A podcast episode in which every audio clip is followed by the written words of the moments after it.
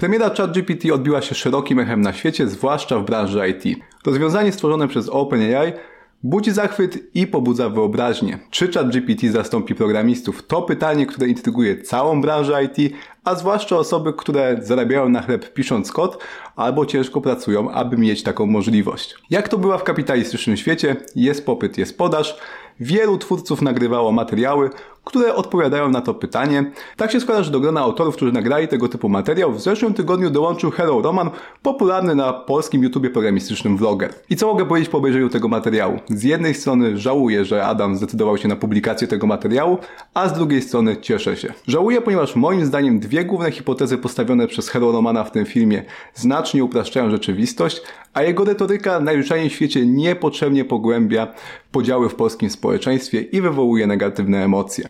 Cieszę się, że materiał powstał, ponieważ słusznie uspokaja on panikę związaną z ChatGPT w 2023 roku i jest świetnym antyprzykładem tego, jak ważne są niuanse w naszych wypowiedziach, jak ważne jest rozważanie różnych scenariuszy i jak ważny jest szacunek dla ludzi o odmiennych poglądach polityczno-społecznych. W dzisiejszym filmie postaram się dostarczyć szerszego spojrzenia na zero-jedynkowe hipotezy Romana. Dlaczego to ważne?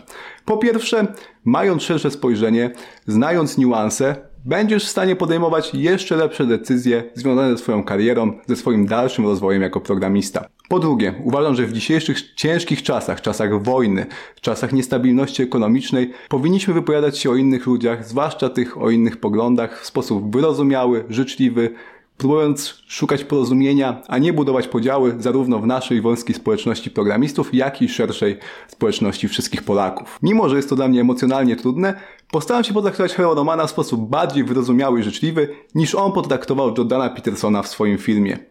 Tyle jeżeli chodzi o wstęp, lecimy z tematem.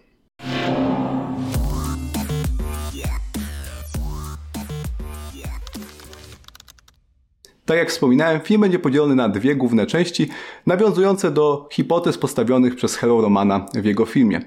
Będę się do tych hipotez odnosił nie za pomocą pogardliwych min, sarkastycznych komentarzy, tylko postaram się, żeby było jak najwięcej danych, opinii ekspertów, o czym zresztą Roman wspominał, że to jest bardzo ważne.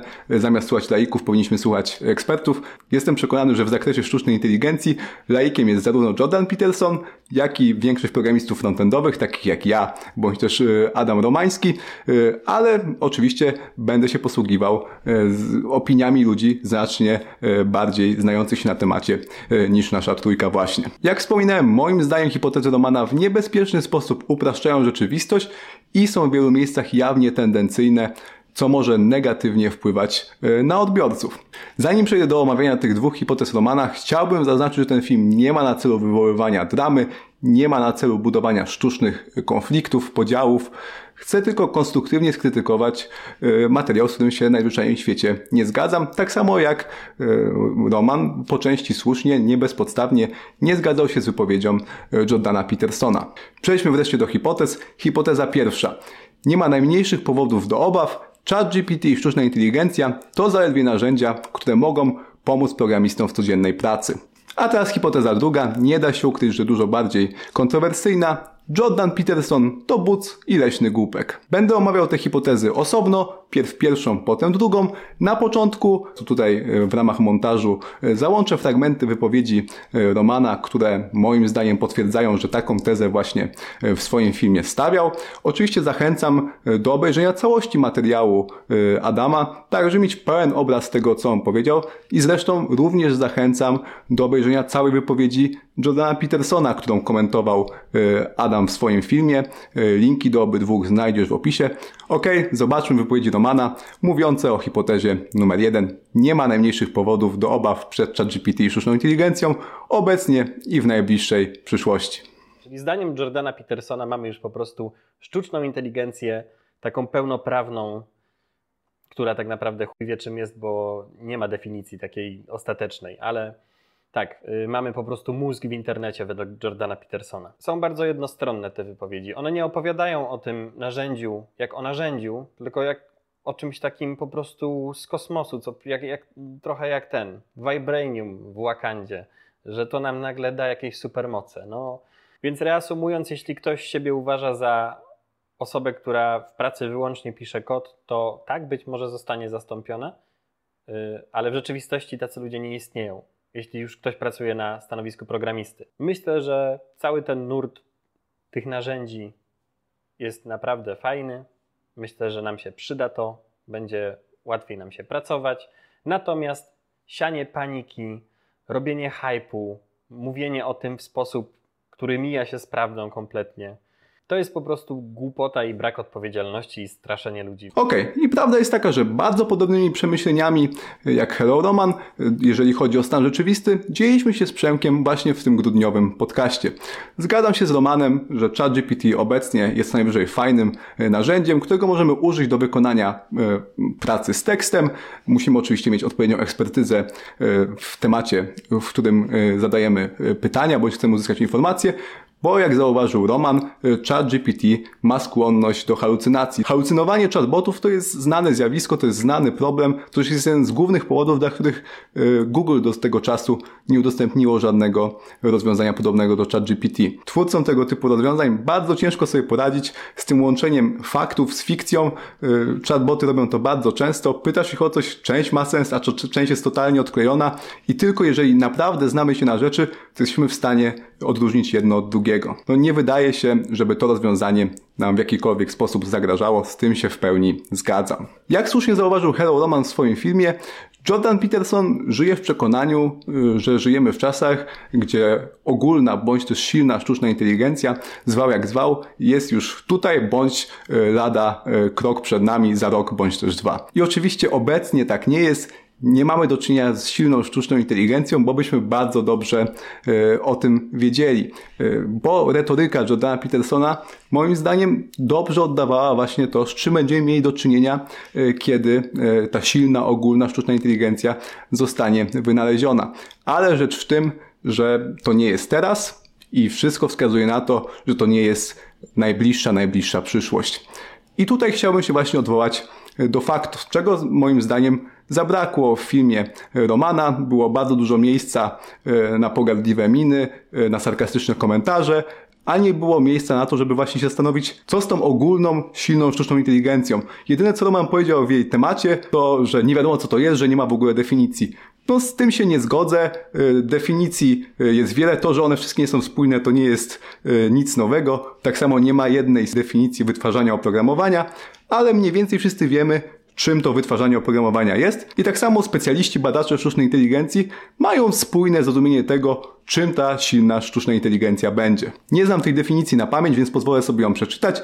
Silna ogólna sztuczna inteligencja to inteligentne, dysponujące wszechstronną wiedzą i zdolnościami poznawczymi systemy, które potrafią samodzielnie myśleć i wykonywać zadania tak samo sprawnie, jak wykonałby je człowiek. Także te zadania, których wcześniej nie znały, to jest definicja pochodząca ze strony sztucznainteligencja.org.pl i podobne definicje znajdziemy na Wikipedii i wielu innych miejscach, również w publikacjach. I teraz, przyjmując tą definicję silnej sztucznej inteligencji, możemy bez większych problemów stwierdzić, że powinna ona sobie radzić z wytwarzaniem oprogramowania, e, czyli tym zespołem czynności, o których mówił Roman, e, które wykraczają poza samo pisanie kodu, z którym no, na poziomie juniora i nie zawsze obecnie radzi sobie ChatGPT. Czy mamy stuprocentową pewność co do tego, co powiedziałem? Nie, nie mamy, to jest moja opinia. Na czym ta opinia bazuje? Na tym, że w przeszłości e, podobnie sytuacja wyglądała w przypadku na przykład e, ekspertów mistrzów szachowych. W latach 90. E, ci też mistrzowie twierdzili, że nie ma najmniejszych szans, żeby wyspecjalizowany w grze w szachy system sztucznej inteligencji był w stanie ich pokonać. No wszyscy byli bardzo zadziwieni, kiedy doszło do porażki największego mistrza, być może Garego Kasparowa. No i od tego czasu już ludzie nie mają żadnych złudzeń, że komputery są lepszymi szachistami niż ludzie. Y, najlepsi szachiści nie mają najmniejszych szans z najlepszymi systemami AI. Oczywiście można powiedzieć, że szachy to tylko gra logiczna i tam po prostu była pomyłeczka, yy, no ale tak samo mamy grę w Go, dużo bardziej złożoną i też mamy grę w pokera, gdzie również już yy, systemy sztucznej inteligencji dominują nad ludźmi, a jakby nie patrzeć, poker jest grą dużo mniej logiczną i jest tam duży aspekt społeczny. Logicznym wnioskiem płynącym z tego, co powiedziałem, jest to, że silna sztuczna inteligencja jest istotnym zagrożeniem dla programowania, przynajmniej takiego, jakie je znamy dzisiaj.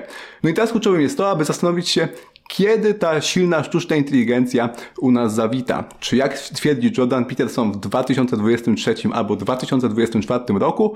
Y, no moim zdaniem nie warto tutaj się y, opierać na jego opinii, y, bo widzimy, że on ekspertem nie jest, widać to gołym okiem, czy też gołym uchem, ale możemy zapytać o tą opinię prawdziwych ekspertów, topowych programistów sztucznej inteligencji, typowych badaczy sztucznej inteligencji i tak się składa, że takich danych jest od groma. Przez ostatnią dekadę było prowadzone wiele ankiet wśród tego typu osób. Mamy opinie setek, jak nie tysięcy tego typu topowych badaczy. Znalazłem bardzo fajny artykuł, który podsumowuje większość tego typu badań ekspertów i z niego możemy się dowiedzieć, że nie powinniśmy się spodziewać silnej sztucznej inteligencji przed rokiem 2040, a być może nawet przed rokiem 2060. I co ważne, y, zaledwie 20% albo i mniej tych programistów, badaczy twierdzi, że tej silnej sztucznej inteligencji nie będzie w ogóle. 80% y, uważa, że będzie prędzej czy później. Najczęściej przewijającymi się datami jest 2040, 2050, 2060. Szczegóły znajdziesz w tym artykule. Warto się y, zapoznać. Ale o czym musimy pamiętać? To, że niestety czasami eksperci e, się mylą, bo mamy do czynienia w świecie z zjawiskiem nazywanym czarnym łabędziem. Czarny łabędź to zjawisko opisane przez Nasima Taleba. W jego książce o tym samym tytule również pozwolę sobie e, przytoczyć definicję. Czarne łabędzie to nieprzewidywalne i nieregularne zdarzenia o ogromnej skali i potężnych konsekwencjach, nieoczekiwane dla każdego obserwatora, nazywanego zwykle indykiem, jeżeli nie tylko go zaskoczą, ale również mu zaszkodzą. Jaki może być czarny łabędź związany ze sztuczną inteligencją? No i to dość proste. Mogłoby się okazać, że e, Jordan Peterson będzie miał łód szczęścia i na przykład za rok zostanie wynaleziony jakiś nowy algorytm, który znacznie e, popchnie do przodu sztuczną inteligencję, tak jak na przykład research paper Google w 2017 roku z transformerami, które sprawiły, że mamy właśnie teraz do czynienia z ChatGPT. To był gdzieś tam wielki kamień milowy i może być kolejny jeszcze większy, który znacznie przyspieszy e, te postępy sztucznej inteligencji. Czy to znaczy, że z tego powodu powinniśmy zmieniać swoje wszystkie plany? Oczywiście, że nie. E, powinniśmy się odpowiednio przygotować, mieć to na uwadze. Takim innym czarnym łabędziem, bardzo niestety nieprzyjemnym, dużo dla mnie nie, bardziej nieprzyjemnym niż temat sztucznej inteligencji, jego wpływ na programowanie, jest na przykład wejście w aktywną wojnę Polski z Rosją. To również będzie miało ogromny wpływ na życie wszystkich Polaków. No mam nadzieję, że do tego nie dojdzie, ale jest niezerowe prawdopodobieństwo. Warto byłoby mieć to na uwadze i tutaj nie mówić, że nie ma szans. No jest szansa, niestety. Jeżeli ktoś ma, ktoś ma jakiekolwiek wątpliwości, to polecam kanał Historia Realna, gdzie no, prawdziwi eksperci wypowiadają się na ten temat. Moim zdaniem, zamiast głaskać się po głowie, warto się odpowiednio Y, do tych czarnych łabędzi przygotować. Jak możemy się odpowiednio przygotować? Zastanówmy się, co może się z tym naszym programowaniem stać, jeżeli faktycznie ta y, ogólna sztuczna inteligencja y, wejdzie do gry. Moim zdaniem bardzo możliwe jest to, że osoba programisty, designera i produkt managera będzie jedną rolą bo w kooperacji ze sztuczną inteligencją jeden człowiek będzie w stanie zrobić bardzo dużo, będzie w stanie zaprojektować interfejs, będzie w stanie bardzo szybko E, napisać do niego kod, dopracować go i będzie w stanie też badać potrzeby użytkowników, rozmawiać z nimi, e, analizować ich zachowanie i tak dalej. Tak więc tam, gdzie kiedyś mieliśmy grupę 10 osób, teraz może być już tylko jedna, która będzie właśnie korzystała z bardzo e, potężnych narzędzi opartych o sztuczną inteligencję. No i żeby taką osobą się stać, to niewątpliwie powinniśmy inwestować coraz więcej czasu nie tylko w umiejętności techniczne, ale również skille miękkie, y, wiedzę produktową i wiedzę designerską. Taki zestaw zróżnicowanych umiejętności, nawet na poziomie nie turbo eksperta, moim zdaniem będzie dużo większą dźwignią i będzie dużo trudniejszy do zautomatyzowania niż stricte y, wchodzenie w szczegóły techniczne, poznawanie na wylot frameworków itd., tak itd. Tak ja tutaj nie twierdzę, że y, Hello Roman promuje takie podejście do programowania. Nie jest tak, wiem, że tak nie jest. On również zachęca do tutaj szerokiego poznawania wielu aspektów, nie tylko związanych z programowaniem, ale również z produktem i z designem. Ja również do tego zachęcam i to moim zdaniem jest już, tak jak kiedyś to można było uznać, a ja się tam zajmę tym kodzikiem, to teraz już moim zdaniem nie ma żadnych usprawiedliwień, trzeba po prostu mieć tą wiedzę naprawdę szeroką. Jeżeli chodzi o praktyczną rekomendację, zarówno dla juniorów, jak i aktywnych programistów, to polecałbym przeznaczać te 20-30% czasu, y, które inwestujesz w naukę, na właśnie poznawanie sztucznej inteligencji, nauczenie się prompt engineeringu, no czyli y, gdzieś tam bardziej zaawansowaną zabawę z ChatGPT i tego typu rozwiązaniami i również na realizację kursu Fast AI, który już kilka razy polecałem w ramach shortu, w ramach newslettera. Y, to jest bardzo fajny kurs skierowany do ludzi, którzy mają już wiedzę z programowania, nie jakąś tam wybitną, po prostu trzeba mieć około roku doświadczenia i możemy poznać deep learning, możemy poznać gdzieś tam tą sztuczną inteligencję na bazie projektów. E, bardzo fajny kurs, e, gorąco go polecam i myślę, że obecnie to powinno wystarczyć i nawet jeżeli będzie ten czarny łabądź, to będziemy w lepszej sytuacji niż 80% innych programistów. I teraz druga hipoteza, ta bardziej kontrowersyjna. Przypomnę, Jordan Peterson jest bucem i leśnym głupkiem. Posłuchajmy y, kilku wypowiedzi Romana, które myślę, że nie pozostawią wątpliwości, że taka hipoteza została postawiona. Myślę, że jakby Jordan Peterson był Polakiem, to by był posłem Konfederacji. To taka dygresja. W każdym razie, no, nie trawię go, to mało powiedziane. A powiedzieć, że wyżej sra niż dupę ma, to nie powiedzieć praktycznie nic. Oh, if you don't mind, write me the accompanying computer code that goes with each project. Got that dead right. Brilliant. Again, it took it about three seconds. Dałem ten fragment tylko po to, żeby powiedzieć, że on chyba nie potrafi wypowiedzieć nawet jednego zdania, żeby nie brzmieć pretensjonalnie. Ktokolwiek związany z programowaniem, ktokolwiek miał do czynienia chociaż tak delikatnie z tym tematem, z pracą programisty, nie wiem, pracował z programistami, wie, że to, co on tutaj powiedział, to jest kurwa po prostu bzdura dekady. Ludzie słuchają na przykład Jordana Petersona, bo jest to popularna osoba i wiele osób jakimś cudem e, go szanuje i uznaje za jakiś autorytet. It's smarter than you. E, chciałem tylko powiedzieć, że na pewno jest mądrzejsze od Jordana Petersona, ale nie od wszystkich. Nie jest trudno być mądrzejszym od Jordana Petersona, mam wrażenie. Według Jordana Petersona giganci już chodzą po ziemi i on jest jednym z nich. Myślę, że jego ego przynajmniej jest mniej więcej takich rozmiarów. I teraz biorąc już klamrę na Jordana i Andrzeja. Andrzej, bardzo Cię przepraszam, że postawiłem Cię obok Jordana. Na wstępie powiem, że antypatia Romana do Jordana Petersona nie jest dla mnie niczym niesamowitym. Ja doskonale sobie zdaję sprawę, że to jest postać kontrowersyjna, polaryzująca. Część ludzi go kocha, część ludzi go nienawidzi.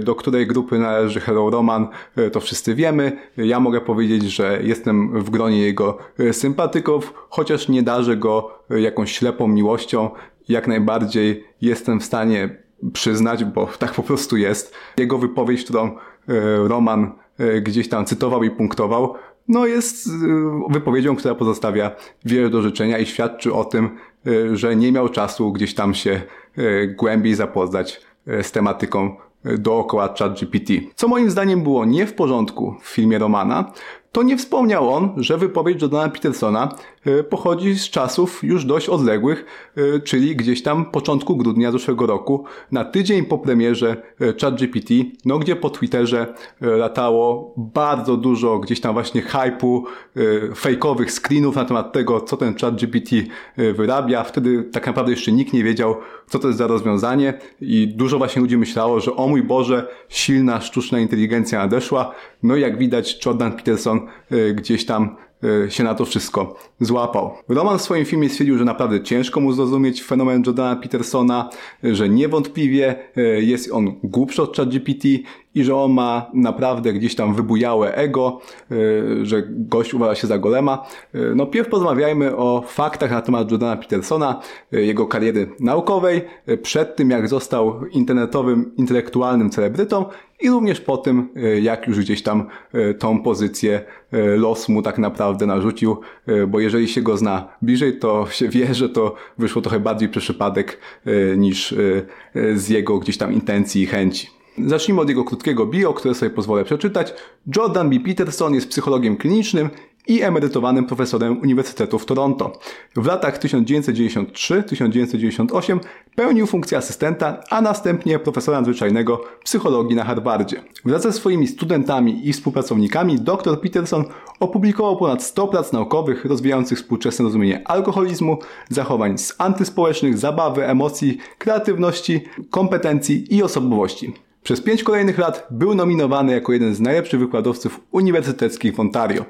To jeżeli chodzi o dorobek naukowy Petersona, nie jest on e, leśnym głupkiem.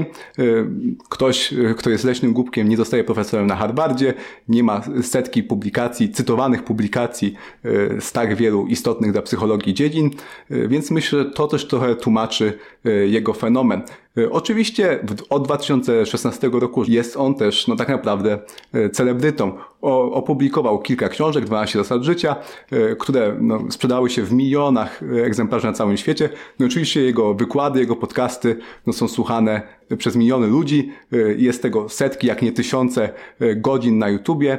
Jest naprawdę gdzieś tam e, dużo jego wypowiedzi na wiele tematów związanych z psychologią, z etyką, z religią, Y, jest w czym wybierać. Jordan Peterson od kilku lat jeździ też po całym świecie i daje wystąpienia y, w wielu miejscach, również w Polsce. Był w zeszłym roku, y, byłem razem z moimi przyjaciółmi na tym wystąpieniu. Fajnie było go zobaczyć. I właśnie te wystąpienia są w formule Q&A. Jednym z takich wystąpień jest właśnie to, które zostało przytoczone w filmie Romana. Po prostu ktoś z widowni najpewniej zapytał go y, o sztuczną inteligencję y, i stąd była ta odpowiedź, no moim zdaniem niefortunna, bo było tam wiele po prostu błędów co do faktów. I tu jak najbardziej zgadzam się, że krytyka Adama, oczywiście nie jej forma, nie jest bezpodstawna. No po prostu Y, jak taki typowy polski Janusz przysłowiowy, y, wypowiedział się na jakiś temat, na który nie miał większego pojęcia. Oczywiście widać, że jakieś tam pojęcie na temat ogólnej sztucznej inteligencji i jej implikacji ma, bo jego wypowiedź była koherentna i wydaje mi się, że większość ludzi, którzy się zajmuje sztuczną inteligencją, podpisałaby się pod nią, gdyby on po prostu nie mówił o horyzoncie w tym roku albo w przyszłym, tylko za 20-30 lat. Y, wtedy właśnie się pojawią te, te golemy, które no, z jakiegoś w ogóle niezrozumiałego dla mnie powodu y, Roman sprowadził do y, Jordana Petersona jego ego, gdzie to jest totalne wyjęcie z kontekstu tego, co on powiedział. W ogóle nie mówił o sobie, tylko właśnie o sztucznej inteligencji. Moim zdaniem nie w porządku. To, co przewinęło się w moim żarcie o polskich Januszach, przewija się kilka razy w filmie Romana, czyli to przekonanie, że to jest jakaś polska cecha, wypowiadanie się na tematy, o których nic nie wiemy. Nie uważam, żeby to była polska cecha. Uważam, że to jest raczej wyznacznik polskich y, kompleksów i jakiegoś uznawania, że nasz naród ma jakieś głębokie problemy i wady. Uważam, że to jest y, wada większości ludzi na całym świecie. Trochę podróżowałem i jakoś nie widziałem, żeby y, we Włoszech, Portugalii y, było mniej ludzi, którzy gadają na różne tematy, bo akurat ten temat jest gorący i wszyscy się o nim wypowiadają. Czy jest to dobre zjawisko? Oczywiście, że nie, zwłaszcza jeżeli jesteśmy postacią publiczną, którą wiele osób słucha, no i gdzieś tam to nasza opinia się rozejdzie po świecie.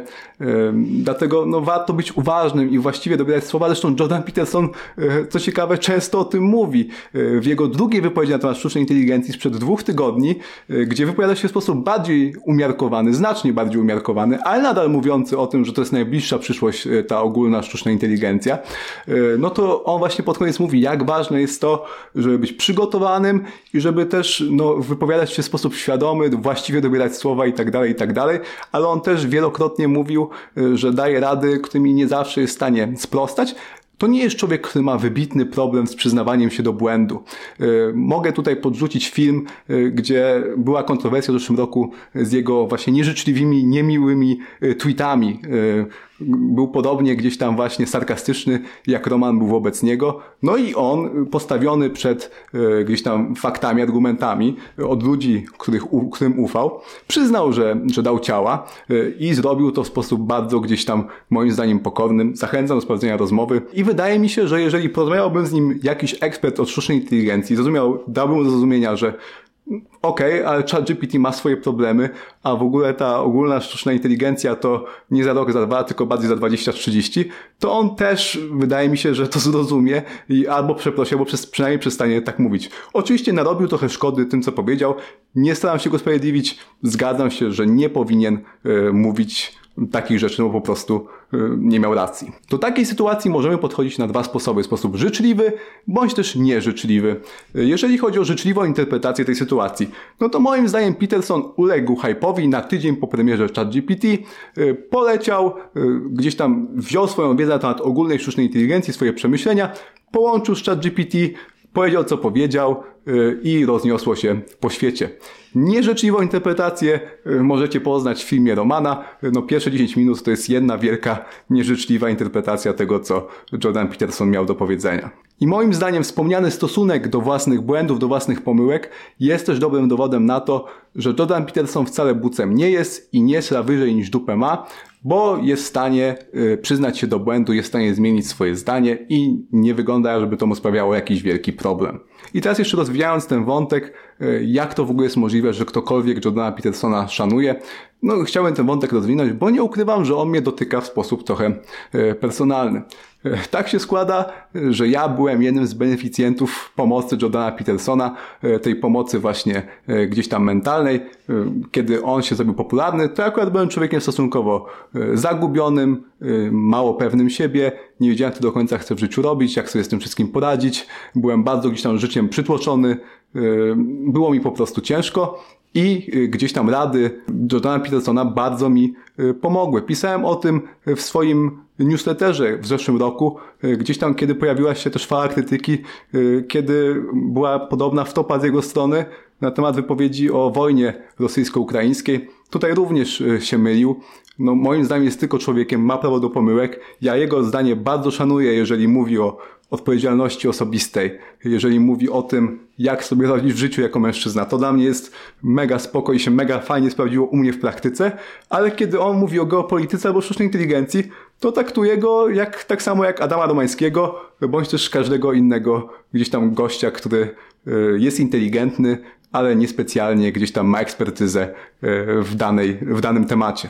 I teraz można się w sposób pogardliwy, e, arogancki odnosić do osób takich jak ja i milionów innych osób, którym Jordan Peterson pomógł, pomaga i zapewne będzie pomagał, że to są przegrywy, e, to są jacyś e, wyrzutki toksycznej męskości i inne jakieś dziwne e, inwektywy, ale można też po prostu uznać, że ten człowiek robi dużo dobrego dla ludzi, którzy akurat potrzebują jego pomocy. Tak samo jak Roman w swoim filmie wspominał, że on lubi na przykład książki Kasi Nosowskiej i one mu pomagają, wnoszą mu fajną wartość. Ja za Kasią Nosowską nie przypadam chyba w podobnym stopniu, jak on za Jordanem Petersonem, ale nie będę teraz po niej dankował, bo jeżeli ona pomaga Romanowi, no to fajnie, niech pisze więcej książek. Jeżeli są ludzie, którzy potrzebują e, jej spojrzenia na, rzeczywiste, na rzeczywistość, jej gdzieś tam retoryki, jej podejścia, jej sposobu wypowiedzi, z czego również się Roman śmiał względem Petersona, to ja nie mam zamiaru tego krytykować, nawet jeżeli za tą osobą nie przepadam. Moim zdaniem krytyka Romana wobec Petersona, mimo że nie była bezpodstawna, to była bardzo tendencyjna, ja tu widzę dużą uległość wobec e, błędowi potwierdzenia, confirmation bias, e, czyli po prostu Roman za Petersonem, jak zresztą sam powiedział, nie przepada, no i bardzo mu gdzieś tam odpowiadało to, że on e, tak gdzieś łatwą do wypunktowania wypowiedź dał, no tylko po co gdzieś tam ulegać temu, po co właśnie budować tą polaryzację, po co te wszystkie miny, po co te sarkastyczne komentarze, czy to naprawdę wnosi wartość, czy tego potrzebujemy w dzisiejszych czasach, gdzie już i tak jesteśmy skłóceni, gdzie i tak nam ciężko ze sobą rozmawiać, jeżeli mamy inne poglądy. Kurczę, no naprawdę Ruski mogą tu wjechać niestety yy, yy, lada rok, i wtedy może być tak, y, Adamie, że wylądujemy w jednym okopie y, i będziemy musieli po prostu sobie podawać nie tylko ręce, ale pewnie granaty, karabiny i chyba fajnie, żebyśmy to y, robili w sposób skuteczny, a nie po prostu się kłócili o to, czy ktoś jest za Konfederacją, czy ktoś jest za Lewicą i tak dalej, i tak dalej, bo to naprawdę tak chyba nie ma znaczenia. Głównie chcemy być szczęśliwi, chcemy fajnie żyć w tym kraju, chcemy, żeby ten kraj się rozwijał. Szukajmy, kurczę, punktów wspólnych, Bądźmy dla siebie wyrozumiali, życzliwi. Y, jeżeli mamy komuś do przekazania konstruktywny feedback, to to róbmy, bo to jest ważne, bo ludzie muszą wiedzieć, że się mylą, muszą gdzieś tam korygować swoje błędy. Naprawdę, nawet jeżeli mamy do czynienia z osobą, z którą się skrajnie nie zgadzamy, nie powinniśmy moim zdaniem dawać upustu emocjom i być cynicznym, pogardliwym, patrzeć na innych ludzi z góry, yy, sprawiać, żeby ich argumenty wybrzmiały jak najgorzej, w jak najgorszym świetle. Nie róbmy tego. Bądźmy po prostu dla siebie, tak jak wspominałem, życzliwi, uprzejmi, wyrozumiali i wcale nie twierdzę, że musimy się cały czas przytulać, że musimy się zawsze ze sobą zgadzać. Bynajmniej ja się teraz z Adamem nie zgadzam, ale mam nadzieję, że moje słowa wybrzmiały w sposób trochę inny e, niż jego. Przejdźmy sobie raz jeszcze przez te kluczowe wnioski, o czym wspominałem w dzisiejszym materiale. Po pierwsze, w 2023 roku nie mamy powodów do obaw. ChatGPT jest fajnym narzędziem, które może nam pomóc. Tym na pewno nie stanowi zagrożenia dla naszej pracy. Jeżeli chodzi o przyszłość, y, eksperci raczej również nas uspokajają. 2040, 2060 to są mniej więcej gdzieś tam y, czasy, gdzie się powinniśmy tej sztucznej inteligencji y, spodziewać, jeżeli wszystko będzie szło w sposób liniowy. Jeżeli będzie jakiś czarny łabędź w najbliższych czasach, no to będzie, jedyne co możemy zrobić, no to jakoś tam poszerzać naszą wiedzę w odpowiedni sposób, żeby być bardziej gotowi e, niż inni. E, tym niemniej to nadal nie jest powód do paniki. E, powinniśmy po prostu dalej ze swoim życiem iść do przodu, spać spokojnie i tak dalej, i tak dalej. I rzecz druga, gdy komentujemy, gdy narzekamy, gdy krytykujemy, to trzymajmy odpowiedni poziom, nie wykręcajmy ludziom rąk, nie bądźmy cyniczni, nie bądźmy pogardliwi, bo tego w internecie już jest naprawdę dużo, zwłaszcza w tym naszym małym świecie programistycznym, kurczę, no budujmy jedność, budujmy fajną społeczność, zamiast naprawdę gdzieś tam e, ludziom zachodzić za skórę totalnie niepotrzebnie, kiedy e, to tak naprawdę no, nic nie wnosi. Tyle w temacie ChatGPT, sztucznej inteligencji i Jordana Petersona. Jeżeli dotrwałeś do końca, to bardzo mnie to cieszy. E, dzięki za Twoją uwagę. Jeżeli chcesz dostać jakościowe materiały związane z frontendem, ale również sztuczną inteligencją, to zachęcam Cię do zapisania się na nasz przeprogramowany newsletter. Przeprogramowani.pl łamane na newsletter. Znajdziesz tam również archiwum naszych newsletterów. Możesz sprawdzić, czy to jest coś, co Tobie e, odpowiada. Wysyłamy te newslettery co piątek rano. Znajdziesz w nim 6 linków. To jest taka fajna porcja e, wiedzy, żeby przysiąść sobie na weekend, co, czegoś nowego się nauczyć, poszerzyć to swoje spojrzenie na świat i tym optymistycznym akcentem dziękuję Ci raz jeszcze za uwagę. Pozdrawiam i do zobaczenia w kolejnym odcinku. Marcin Czarkowski.